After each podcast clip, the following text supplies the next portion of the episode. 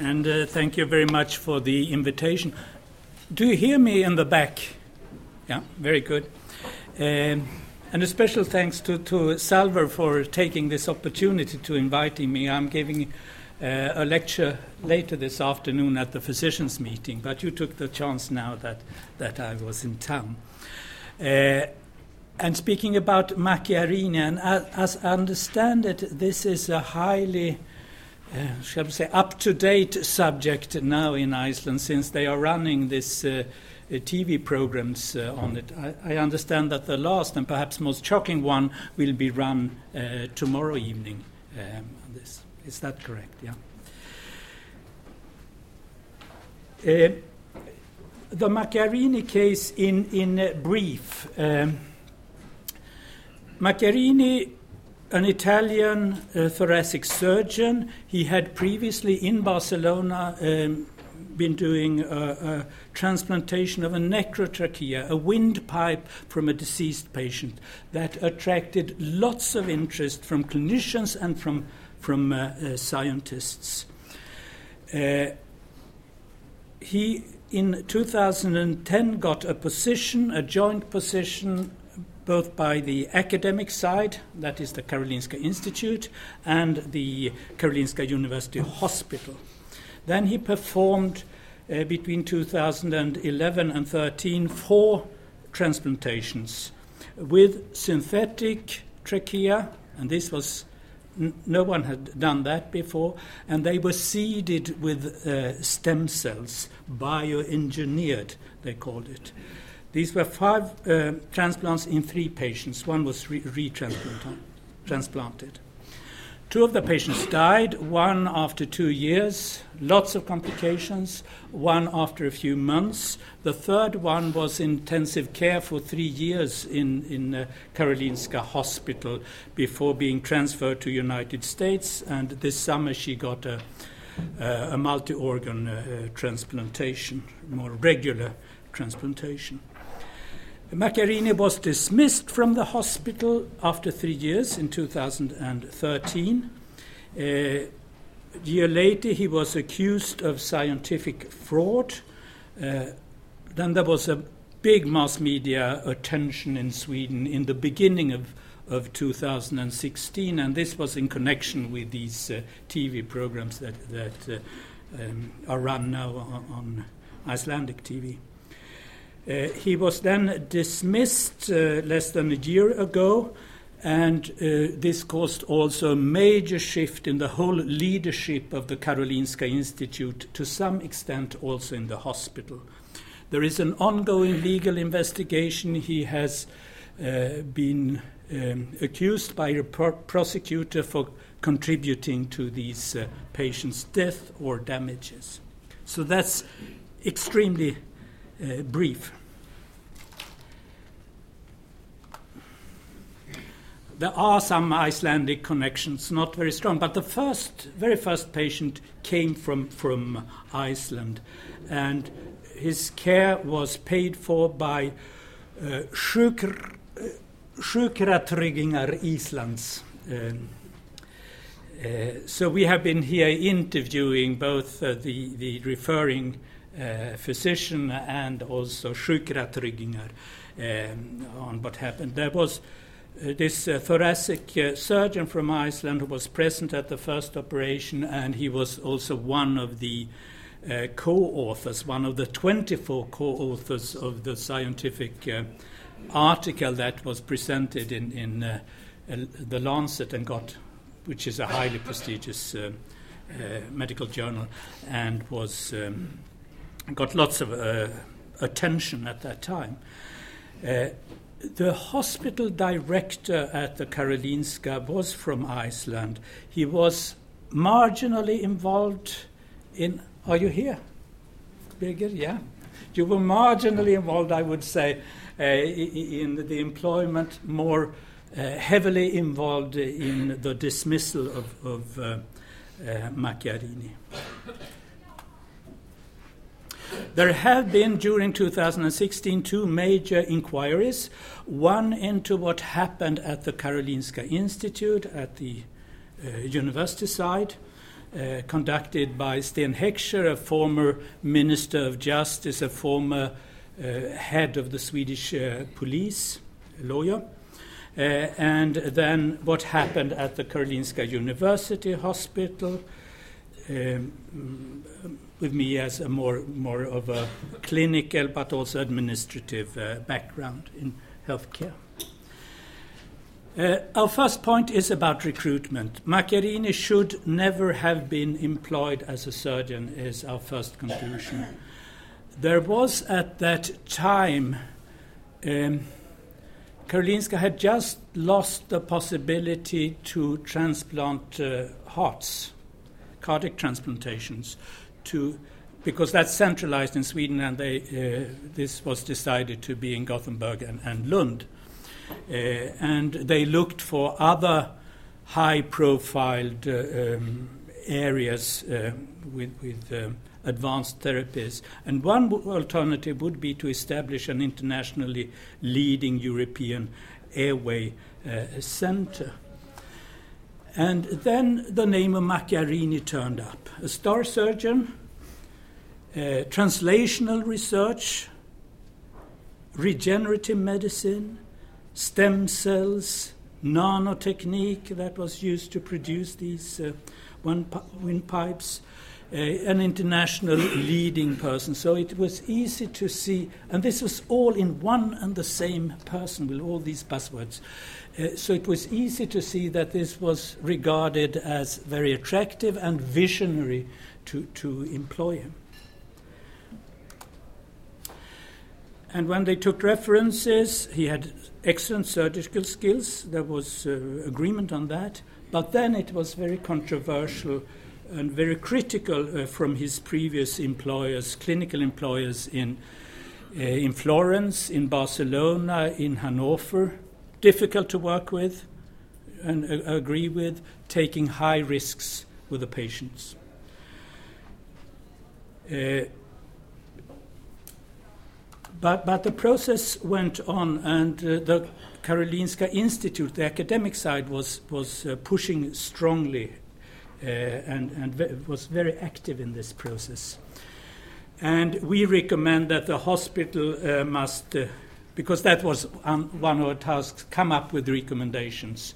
And we had a long list of recommendations, but this is one of them that the hospital must secure uh, the recruitment process quality uh, but also show greater independence uh, towards uh, Karolinska Institute. It may be that it's an excellent researcher, but not fitting to be a physician at, at the hospital. Uh, Heckscher, perhaps more, more formally, um, recommending improved um, internal regulation of CV, uh, CV reviews, expert reviews, how to obtain references, how to document the whole process. So that was employment. Uh, then uh, his employment was terminated in 2013. He had a three year contract that ended in 2013. That was decided not to prolong it. Already previously, uh, his surgical activities had been terminated just for the same reasons as in Barcelona and, and, and Florence. He was difficult to work with, he took high risks with the patients. Uh, the head of the thoracic surgery department was pushing to terminate. It was a bit complicated um, situation because he was employed. He was a thoracic surgeon. He was performing most of the surgeries at that department, but he was employed at the department of ear, nose, and throat and they wanted him to, to continue, and uh, KI, the institute, also um, pushed to, to prolong his contract. But then, then Birgir stepped in and took a position uh, uh, uh not to prolong the, the uh, contract. But Karolinska Institute prolonged his contract for another three years. The next conclusion concerns uh, ethical review, research ethical review. And we conclude that the transplantations should have undergone such a review. we do not at all doubt that the physicians that were involved uh, uh, with, with uh, Macchiarini as the key person, that they were driven by a passion to help these patients. But that do not itself justify that you sh- can disregard the regulations that are there, because the regulations, after all, are there to protect uh, patients.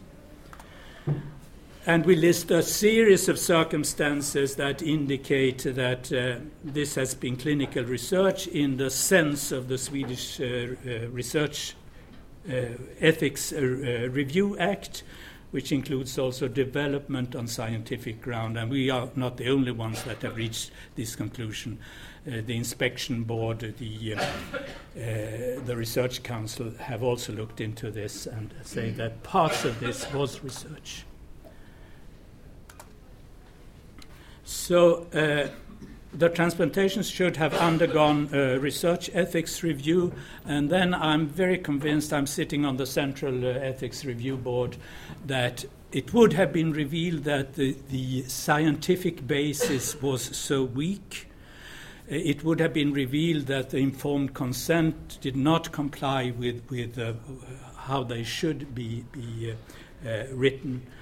Um, the hospital and the, the uh, Institute has taken the position that this is strictly health care with vital indications, as it's called.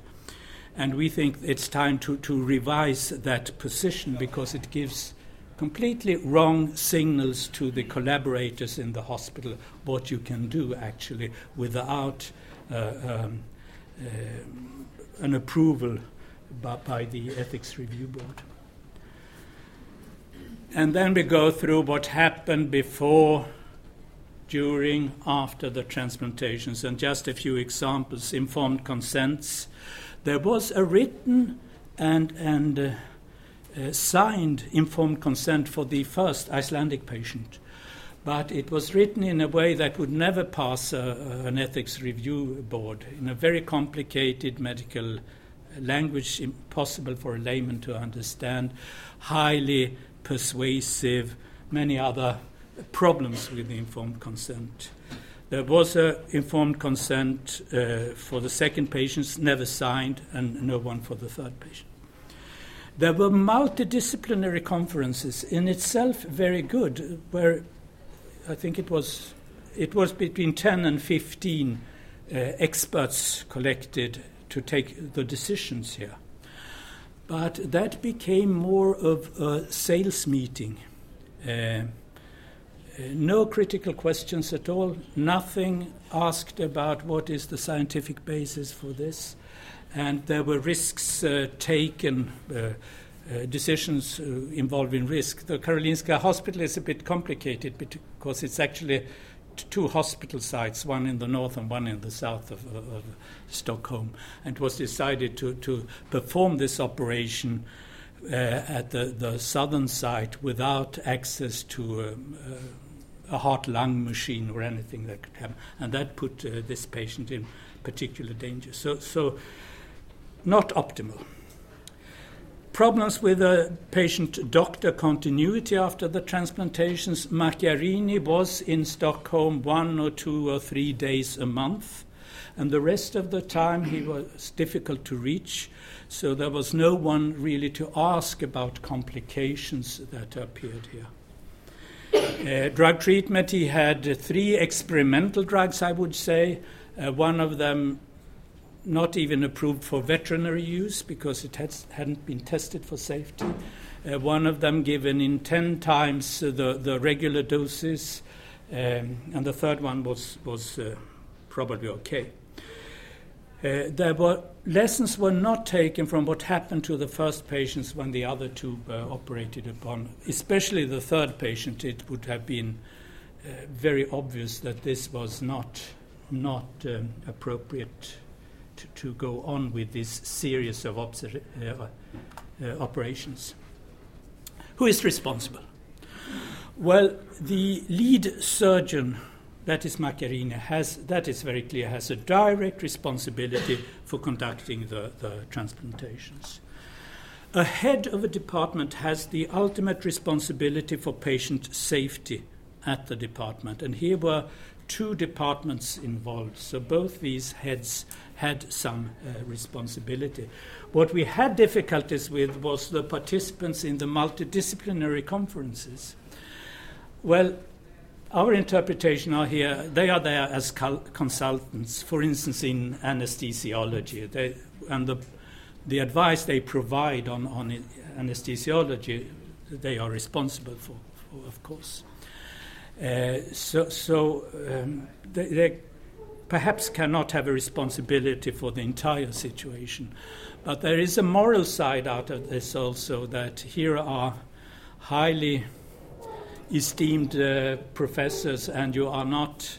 And you are sitting there and not asking a, one single critical question. That is a kind of moral, perhaps not formal, but moral uh, responsibility. Uh, KI had no formal responsibility. This is up to the hospital. This is an independent decision by the hospital. Heckscher reached another conclusion, and I think he was talking about the moral aspect of, of, of this, that he said that KI had a, a kind of, of responsibility as well. And then we, we in our group, we had. Um, a lawyer, very experienced in, in uh, healthcare uh, laws. Uh, so, so, we checked against the, the, laws. There were, they did not uh, adhere to the Ethics Review Act. I have said that. Drug regulations. I touched upon that. Parts of the Healthcare Act. Uh, and how could this happen? Well, much of the um, contacts with authorities that are granting permissions were done by, by telephone. So they phoned the Ethics Review Board, the secretary there, they phoned the Medical Products Agency about the drugs, they phoned the Research Council, the, the head of the, uh, of the Ethics Committee at the Research Council, and obviously um, got the impression that they had an okay. We have, of course, interviewed the, the people at the other line of the telephone, at the other end of the telephone line, and, and um, they gave a completely different uh, picture of this.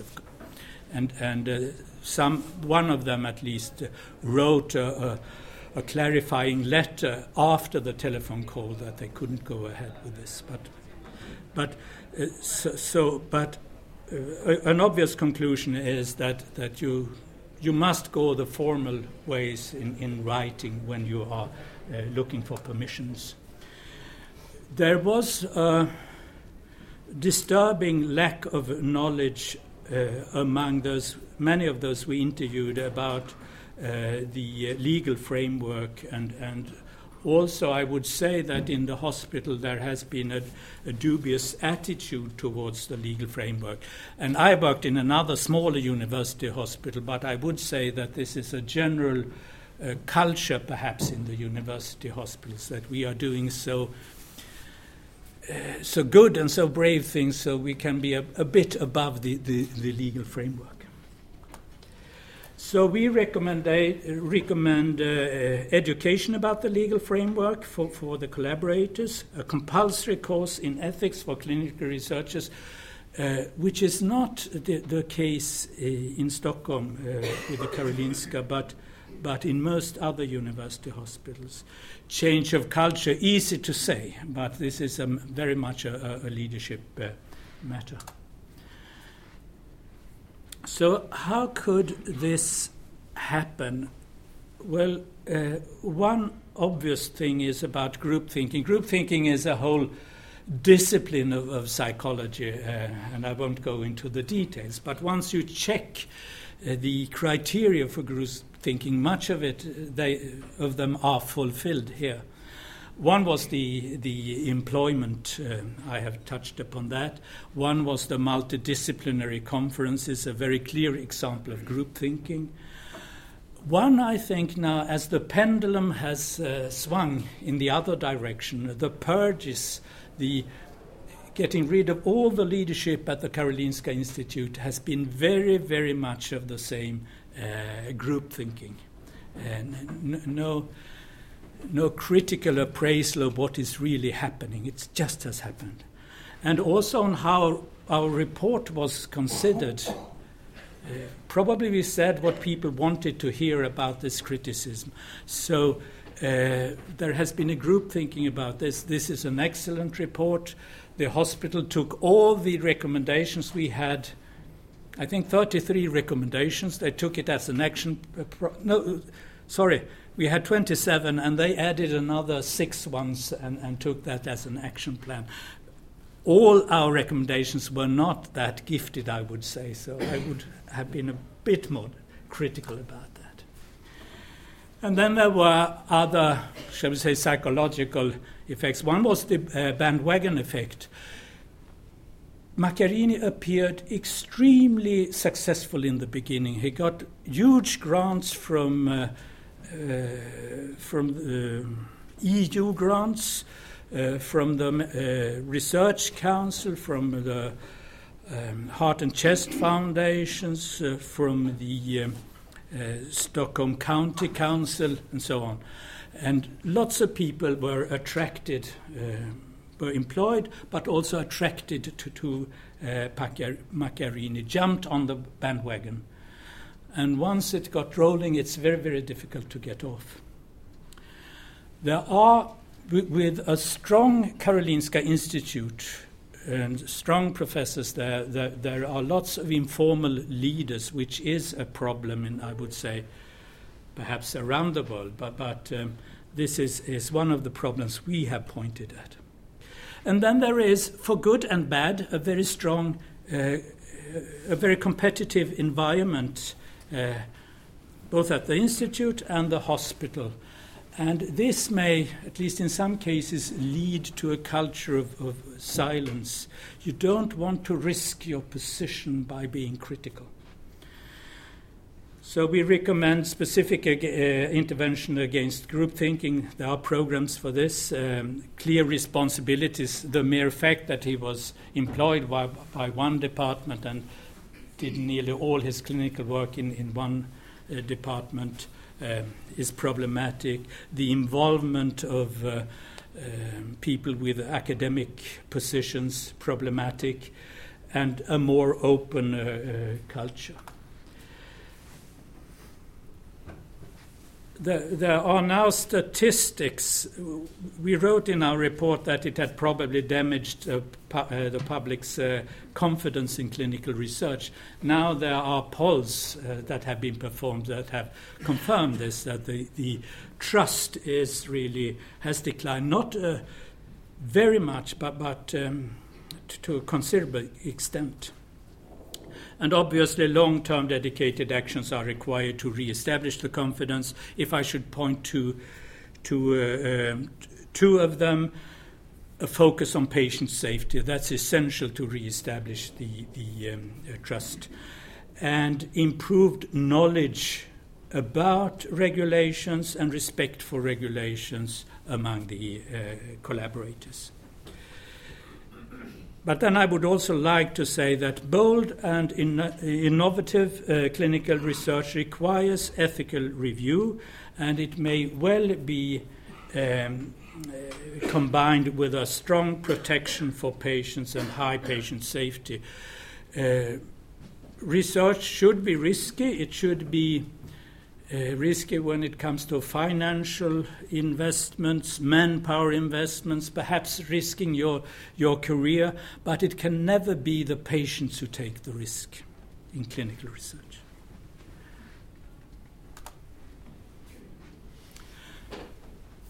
Many of Macchiarini's collaborators have fared very, very ill.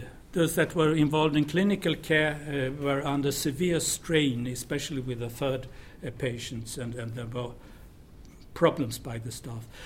There is a relentlessness, uh, still uh, fighting between different groups, pro and con Macchiarini, and those that have once been pro Macchiarini have been uh, more or less ousted. Um, And uh, this is problematic. It has become a work environment issue, and uh, there must be actions taken now to improve the work environment and a reconciliation process, um, uh, not least for, for, for the sake of patient safety. You can't have groups of staff fighting it uh, without any consequences for, for, for patient care and patient uh, uh, safety.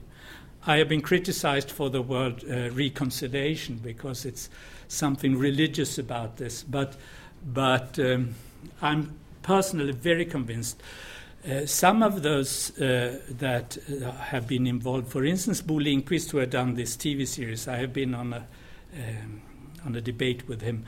Uh, he thinks that it's, it's a very good thing for, for the hospital and for, for the Karolinska that these uh, conflicts are, are brought up and, and are, are continue to, to fight each other because then things will emerge that would otherwise not be emerged in a reconciliation process. Uh, I should just add, I'm, I'm, soon finishing, that the Heckscher inquiry has also dealt more in detail with what happened at the Karolinska Institute, uh, the, the, prolongation of the uh, employment without any evaluation process after the first three years, the secondary op- uh, occupations. If he was in Stockholm one or two or three days a month, what did he do the rest of his time? No one had a real grip on this, contrary to, to regulations. Uh, there were whistleblowers who accused, uh, started the, the accusations for, for scientific fraud and how they were handled. Uh, we have also discussed this a bit on the hospital side. Uh, he, he, discusses the problems with the focus on excellence at the Karolinska Institute, that there are risks involved in this. Um, and he criticizes peer leadership at the university, um, the strong position of, of the uh, Collegium of Professors at the, the Karolinska. Um, I, as a former professor, he has been at the top of the whole police organization, for instance, and, uh, but I, I, have a bit different view on this. Uh, you may ask, what are the most important actions now? Well, I thought, what is the simplest? Well, that must be education about regular framework. That's very straightforward. The most difficult is changing your culture. Uh, this is really um, uh, problematic. And the most urgent one is to work very heavily with the uh, patient safety work. It's not bad, I would say, at the hospital. There are very many uh, good things about patient safety work, but it needs even more attention, I think, after the Macchiarini experiences. And just a few concluding reflections um, after our report on how it has been uh, received massive group thinking, I've discussed already. I think it's fair to see, in all its tragedy, that Macchiarini was a kind of stress test to both these organizations. And uh, several problems were really revealed by this stress test, just as bank tests. It would have been good with the Icelandic banks to have a, a tougher, tougher stress, stress test um, early on. Um, but but uh, this was a stress test for the organizations. What is striking when you go through this was that many, many decisions were taken in, in haste, really, without very much um, considerations. So, for whom who does not prepare, everything becomes acute, and very much of the decision making was acute here. Uh, we, people have asked, people working in, in the hospital have asked, I don't recognize this, that there would be a culture of, of silence. And there may be that in big organizations there are very many, there is not one culture, there are very many different cultures in different departments. Uh, then the question comes how to take responsibility. Now, the, what do you call it, the dramaturgy uh, is now that you should be dismissed that, that's the only solution, and that's the only thing that mass media uh, uh, accepts. Uh, I, I, am uh, old enough to have a, another opinion. You could learn from this, stay on your post, uh, work to, to improve uh, uh, what is happening. But um, that has not been the case, I would say, in this. We do, did not recommend that the heads of the department should be dismissed, uh, but they were. And then the most frequent question I have got from reporters is Can you guarantee that this will not happen again? And there is just one answer to that. It will happen again, but uh, you can reduce the chances of it happening, and above all, you can be very, uh, very early in the process of detecting it and doing something about it. Thank you.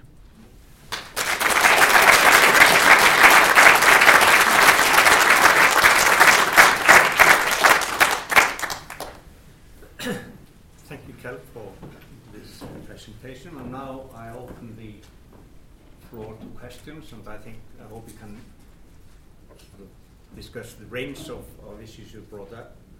To me, the institutional aspects, the, uh, the, uh, issues of institutional responses, institutional responsibility, institutional regulations, and how this actually affects those.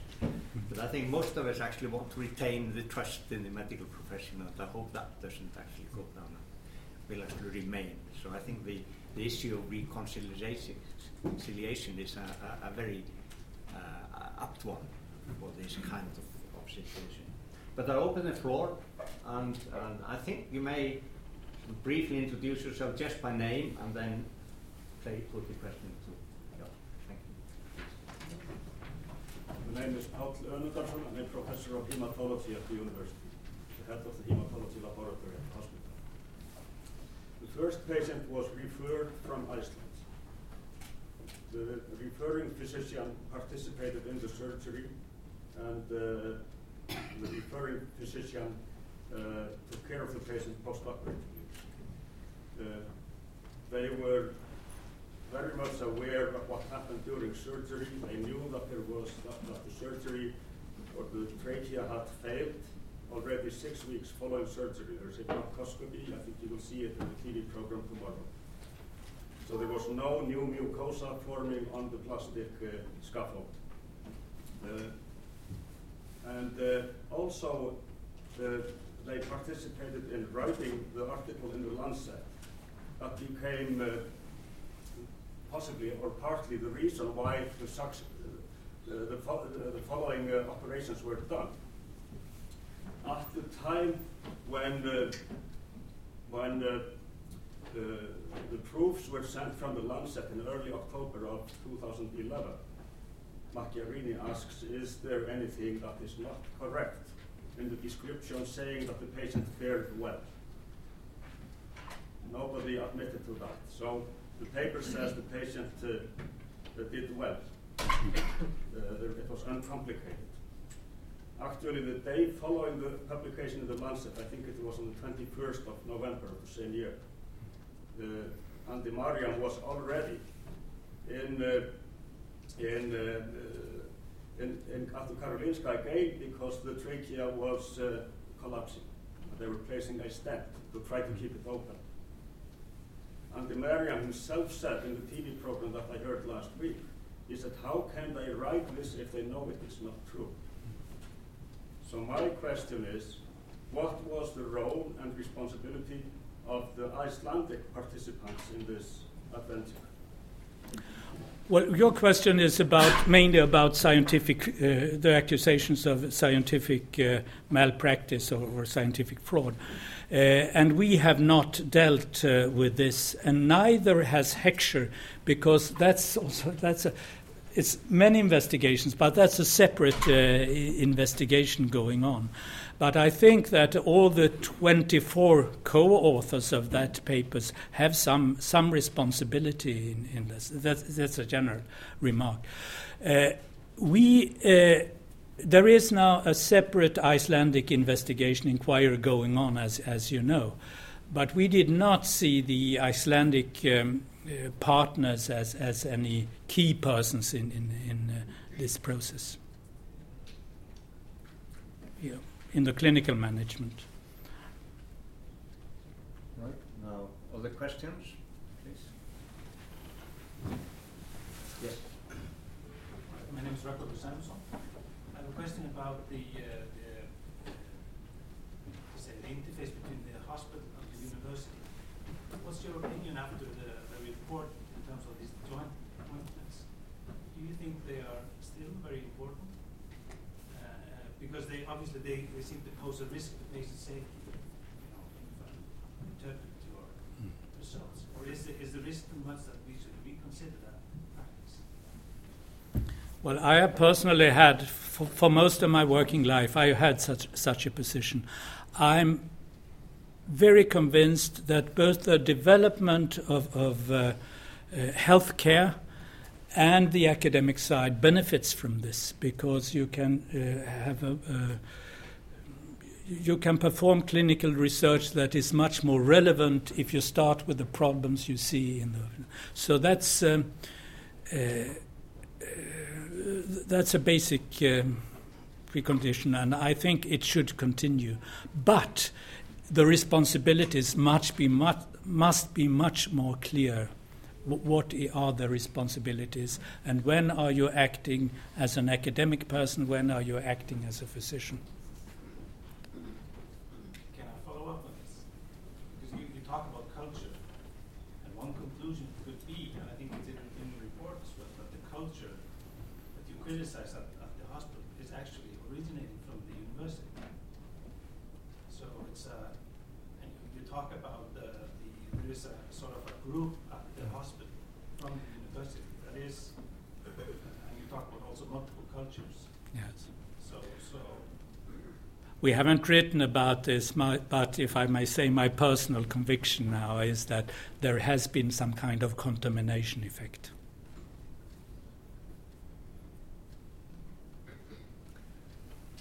All right. More questions, comments? Can I ask you one question? I mean, you mentioned the collegial responsibility Yes. and the group thing. In an institution, you in fact want both. You want people to work together, to be good colleagues. Yes. And I think we want to encourage that. Mm. But you are still saying there may be a problems. I mean, what kind of balance can we strike in that kind of setting? Well, it's extremely difficult to uh, to give a short. Well, you have been much more into this than uh, than I have probably, but but um, it's. Ex- but I would say that now in the Swedish healthcare system, it's emerging that there is one word of honor that is um, uh, above all, uh, and that's um, uh, loyalty which sometimes may be another word for, for obedience. And I don't think that obedient systems are, are very um, innovative, not very pleasant to work in. They have lots of drawbacks. Uh, so, so we shouldn't have obedient system. We should have, especially in university settings, in, in, in the university or university hospitals, uh, the, the prime thing is critical thinking.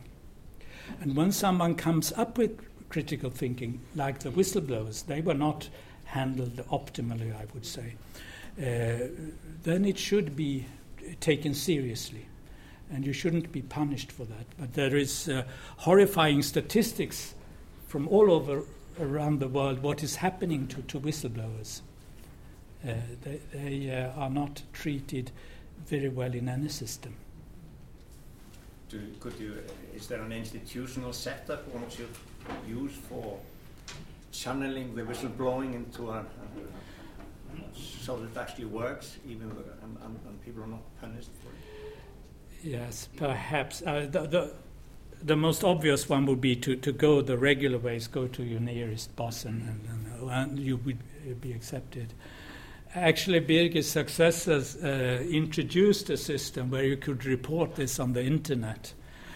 And in uh, more than a year, there were four reports, and uh, none of them had really anything to do with it, was just personal. Uh, disagreements that, that were brought up there. So that th- this kind of formal thing, I, I, and there are similar experiences from other settings that uh, th- they don't contribute very much. They may be regarded as a, a kind of, of um, s- safety matter, but if there are no other possibilities, but, but they don't change your culture. Now, there are four people actually who asked for the floor, so first, uh, So, Magnus Magnus, I'm a professor in the medical school. Uh, I was dean of the medical faculty during some of the time of this, but not, not currently. Which actually makes me very happy, but that's, that's another point. The, um, uh, I think one of the critical issues here is the compassionate use decision. Mm. And um, so I kind of a twofold question. The first, uh, even though you go for a compassionate use, there obviously should have been much of the same decision tree as going through an ethical committee. So taking that decision should have been probably run by the ethics committees. And uh, so that decision itself, can you tell us a little bit about how that was done? And secondly, uh, after the, the compassionate use uh, uh, decision was taken, at least I saw Macchiarini self uh, referring to the International Society of Stem Cell Research with regard to when you're doing compassionate use in the stem cell setting, that essentially you should have very much the same type of bodies involved in reviewing, like the ethical review board, that you should be reviewing the case, you should definitely, you have to report it scientifically, you have to evaluate to your, you, know, you have to have something of an internal quality system similar to an ethical review. So these two, Yeah. the decision number one, and then afterwards, whether there was a kind of a, a proper review of the case afterwards. Well, uh, uh, I'm starting with the end. Uh, after the Macchiarini case, there have been several other committees and so on. And we in the, the, the um, uh, Swedish Council on Medical Ethics have produced a report also on the border zone between uh, clinical care and, and uh, clinical research. And we were very much inspired by uh, this. These guidelines from the International Society of Stem Cell Researchers. It's the best that there exists in the international literature. And it's um, uh, a bit paradoxal that he referred to that because if you just check item by item, you would see that very many items were actually missed here. Uh, but we came up also with a similar recommendation that there should be some external ethical review. But the formal uh, research review process is a little long, and if you have a patient with progressing cancer or some other progressing disorder, it may be a little long. But, but at least external review by, by an expert in ethics and an expert in that particular medical field. Um, and we, we listed a long, of, uh, long list of, of uh, preconditions, and the Swedish Society of Medicine has now done the same, very similar, because we are inspired uh, by, by uh, this uh, stem cell researchers' um, uh, recommendations. And how was the decision taken here, here not to, to have a research ethics review? Well, they phoned the, this. Um, board, uh, ethics review board, the secretary there, and thought after that that they had got the permission. But he wrote a letter to them saying that we cannot decide anything on this without a formal application, and they disregarded that. Uh, my name is Gyða, I'm an assistant professor in gender studies, and you said that uh, this could happen again. And so my question is, what about uh, similar cases in the past? Any reflections on that? Yeah, there are. I mean, medical history is. Uh, I will talk at the session of medical history uh, this afternoon. I will then tell about the, the most serious serial killer that we had in uh, Sweden and uh, forensic uh, psychiatry. Uh, he was there for 24 years in the forensic psychiatry. He, during that time, he uh, he um, said that he had committed 39 murders. He was convicted for eight of them uh, in Sweden and Norway, uh, and then it was all fake. And um, system failures in the uh, in in the uh, healthcare system contributed to this. So not the only reason, but but they contributed to this. This is what I have most in mind. But you know, the longest you probably know this. As well, that the, the list is very, very long. And now, interestingly enough, there is a committee attached to the uh, Central Ethics uh, Review Board um, so, that deals with, with scientific fraud. And they have had one or two or three cases a year. Now they have 17 uh, to deal with. So uh, people are discovering more. Uh, I think that most of them will not lead to any. Um, uh, any accusations or, or any will be confirmed, but a number of them will certainly be. So there is, and there is a whole area of research about scientific fraud and and uh, what happened. And at least in Sweden, half of all scientific fraud is in medicine. Two questions over here. Over yes, uh, I'm Olaf Gavastok, professor in history.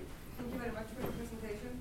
I have a reflection or a question that was not directly re related to your presentation, but more to the first question, actually about the authorship of the article in the Lancet. Mm. What I find quite interesting is that we are sort of not, or we seem not always willing sort of to, to agree upon the uh, sort of responsibility of authors when you have mul uh, multiple authors in, in articles. So you have kind of uh, answered already the questions the authors are, of, of course, uh, responsible for all the, all the sort of issues that are referred to in the article. Um, but this also sort of relates to my, uh, my question, actually. Uh, how about the, responsibility, generally speaking, in articles where you have multiple authors? And how about the dilemmas that we are faced with in the universities, where people are constantly urged sort of to reproduce and produce articles. Uh, there are now many, all of, of Macchiarini's papers that he produced during the, the time in Karolinska have now been subject to reviews, accusations, and so on. The last one I saw 25 authors uh, from more than 10 departments, one patient. And uh, then the, these authors have got the possibility to respond. And everyone says that I'm responsible for these uh, five lines or ten lines in the article. I did the, um, I did the analysis and so on. And then they haven't really understood what you really sign, because at least most journals that I, I submit papers to, you have to sign that you take the whole responsibility. But there has been another culture, uh, and I think that Karolinska is perhaps leading in that, that very many uh, uh, including very many authors that have uh, produced small bits, and that that is a, a, universal matter that must be dealt with somehow. Um, because there is this gap with what you are signing and what is actually happening and what the editors actually are, are accepting. But I have no solution. Uh, it's a different culture than in history. Yeah, I know. so my name is Elin Blöndal. I am a legal counsel for the University of Iceland. Um, uh, so my concerns are naturally legal, basically. Uh, I was wondering because we have the University of Iceland and the National Hospital, mm -hmm. as you mentioned, have uh, established this independent committee of one lawyer and two doctors. And uh, um, during your investigation, uh, in your committee, did you face any hindrances? I mean, like for uh, regarding access to documents or anything, something uh, that you could uh, tell us about that would be like a lesson for us or for this committee? Shall I first tell about uh, Heckscher's um, uh, experiences with with the university side? Uh, he was complaining that not all documents were in place. If that was because of, of uh, some just blunders or voluntarily, that, that uh, is not established. We had a different approach, I would say, in our committee. We were very much concerned about, well, we would describe what happened, but how could it happen? So we were very much um, focused on interviews. We interviewed 63 people, some of them more than once, uh, to understand how could this happen. Uh, and then we were not so involved in. We got all the documents we, we wanted. Actually, there were some lists missing in the the, the um, uh, medical uh, records, but I'm not sure that. Uh, I'm sure that uh, that would have changed our conclusions or any, anything like that. And everyone we asked uh, um, agreed to, to be interviewed also, from Macchiarini to uh, to lots, uh, several people at the Karolinska Institute as well, because they had been so heavily involved in decision making. My name is Friður Sigurðsson. I'm a medical oncologist at the university. And my, at, the, at the hospital. And my question regards the group thinking and critical thinking. And I personally was so disturbed watching the TV series uh, last week um, when I was seeing our best people from the university at the panel here, one year after the operation of Andemariam, there was a celebration in this institute how successful this operation was. Mm. And my question regards, do you think that if that would have been explained more accurately, what the situation of the patient was at that time, that further operation could be, have been prevented? I'm not sure, but my personal view is that of, of the Icelandic interactions, this was perhaps the, the, the, worst one. This presentation at the, the anniversary of, of the university, because that was not very good judgment. Uh, uh, I think the, the other uh, Icelandic connections are very marginal, I would say. But this one was uh, problematic. Uh, I, don't. I, I, can't. I can't say for sure, but uh, evidently that was one piece that perhaps contributed to the enthusiasm. I said that uh, some of the meetings were more of a, a sales meetings, uh, the multidisciplinary conferences. This was clearly one of them that contributed to the uh, the horse uh, about these operations and that they could, could continue. But if they could have been prevented, I, am not absolutely sure. My name is Thorolf Matthíasson, uh, professor of economics at this university. My question regards the Lancet. Uh, that was part of the marketing uh, to get paper, the paper published. Uh, what about the well, the, the editors and the referees uh, of, of the article, did they do their job and did you go into that process? No, we, we did not, because that's now under, under review by, by this um, research fraud uh, uh, committee. Uh, I think it would be very difficult to reveal in an. I'm reviewing a lot, and I do never ask for the underlying medical records if they are are correct or not. Uh, I don't know if any reviewer does that. So, so the peer review system clearly has its limitations. Um.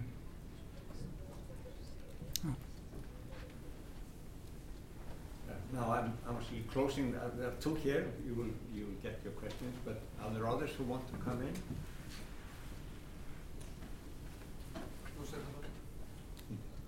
All right. So are you, you um, uh, I'm a professor of evolutionary biology. Uh, if there is a fraud, if it's found out that it's really scientific fraud, what are the consequences for the doctors who uh, treated Nasiri?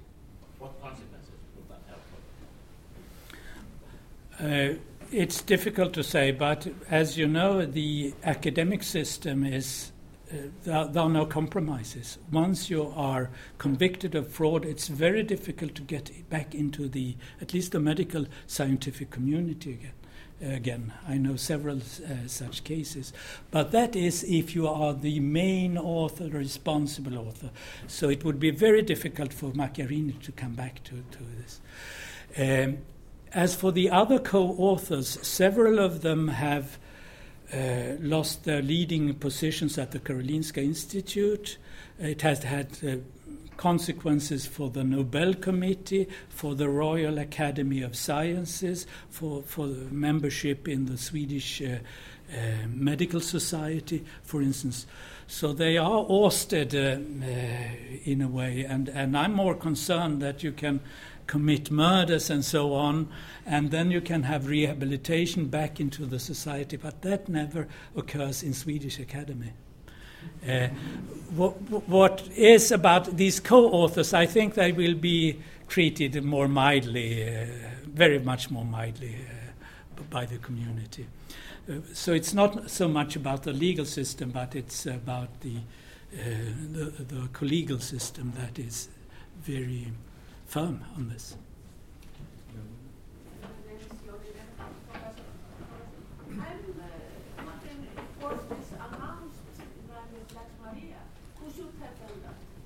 Yes. Yeah. Yeah. yeah. It was never actually on the table, surprisingly enough. Uh, so, so we have looked mainly into patient number three that was treated so long in, in intensive care unit, and it's very clear this should have been a Lex Maria case. It's a bit more dubious about the, the, first uh, two patients. Uh, I think there could have been uh, Lex Maria cases as well, but the third one, very clear. Never done. Could you explain this concept, Lex Maria? Well, that is compulsory by law that if you find any major deviances uh, in healthcare that uh, uh, has a severe consequence for the patient, uh, you must, as a physician or as a nurse, uh, report that to the inspection board. All right. So I, I know you you will get the last question, Magnus. There, was there anybody here? All right, fine. Magnus Karl. Oh, Hilliger, yeah. yeah. Yes. Uh, I'm Christian Erlendsson. Uh, I'm the present uh, president of the uh, National Bioethics Committee of Iceland. Uh, just listening to you, do I understand you correctly? In 2013, the hospital terminated the contract, Mhm. but the institute prolonged it for three years. Yes. They are on each side of the same street. Uh, is there an explanation why why they judged uh, the consequences of what happened so differently at that? Well, I think first the hospital did a much better review on what had happened during these three years, and, and uh, they draw the, the uh, conclusion that this could not continue. Uh, the, the uh, I think the Karolinska Institute was fascinated by all the money he brought in, by all his international uh, network and so on, and they didn't really do an e- evaluation on what had happened during these uh, three years. But on the other hand, you may be a very um, successful researcher without being very fit to be a doctor. That is, um, uh, that, that's a possibility. Can I just respond to that? I mean, this is, we're talking about a clinical uh, professor. Hmm. And uh, I think even here in Iceland, we have some proper hiring to the university. A professor of clinical medicine who has just lost his uh, privileges at the hospital. Yeah. No, but there is a possibility of have, having, a, they call it naked professorship. Uh, and after all, he was doing lots of clinical work uh, in other countries. No one knows really what was he was doing in, in uh, uh, other countries, but, but uh, he, he had clini- still clinical connections, and he had his laboratory then in Stockholm.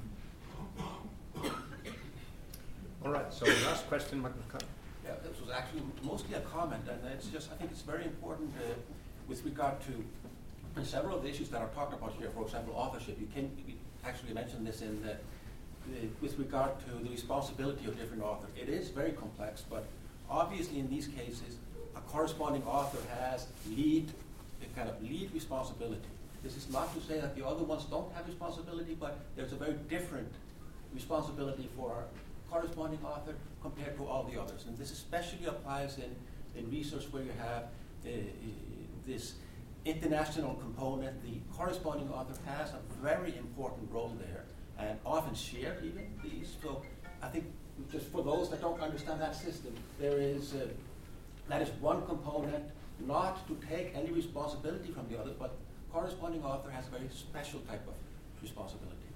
Uh, other issues, uh, keep in mind here that uh, the, the, uh, the, committee here in Iceland is working on these issues uh, with regard to when people knew uh, at different time points what was happening.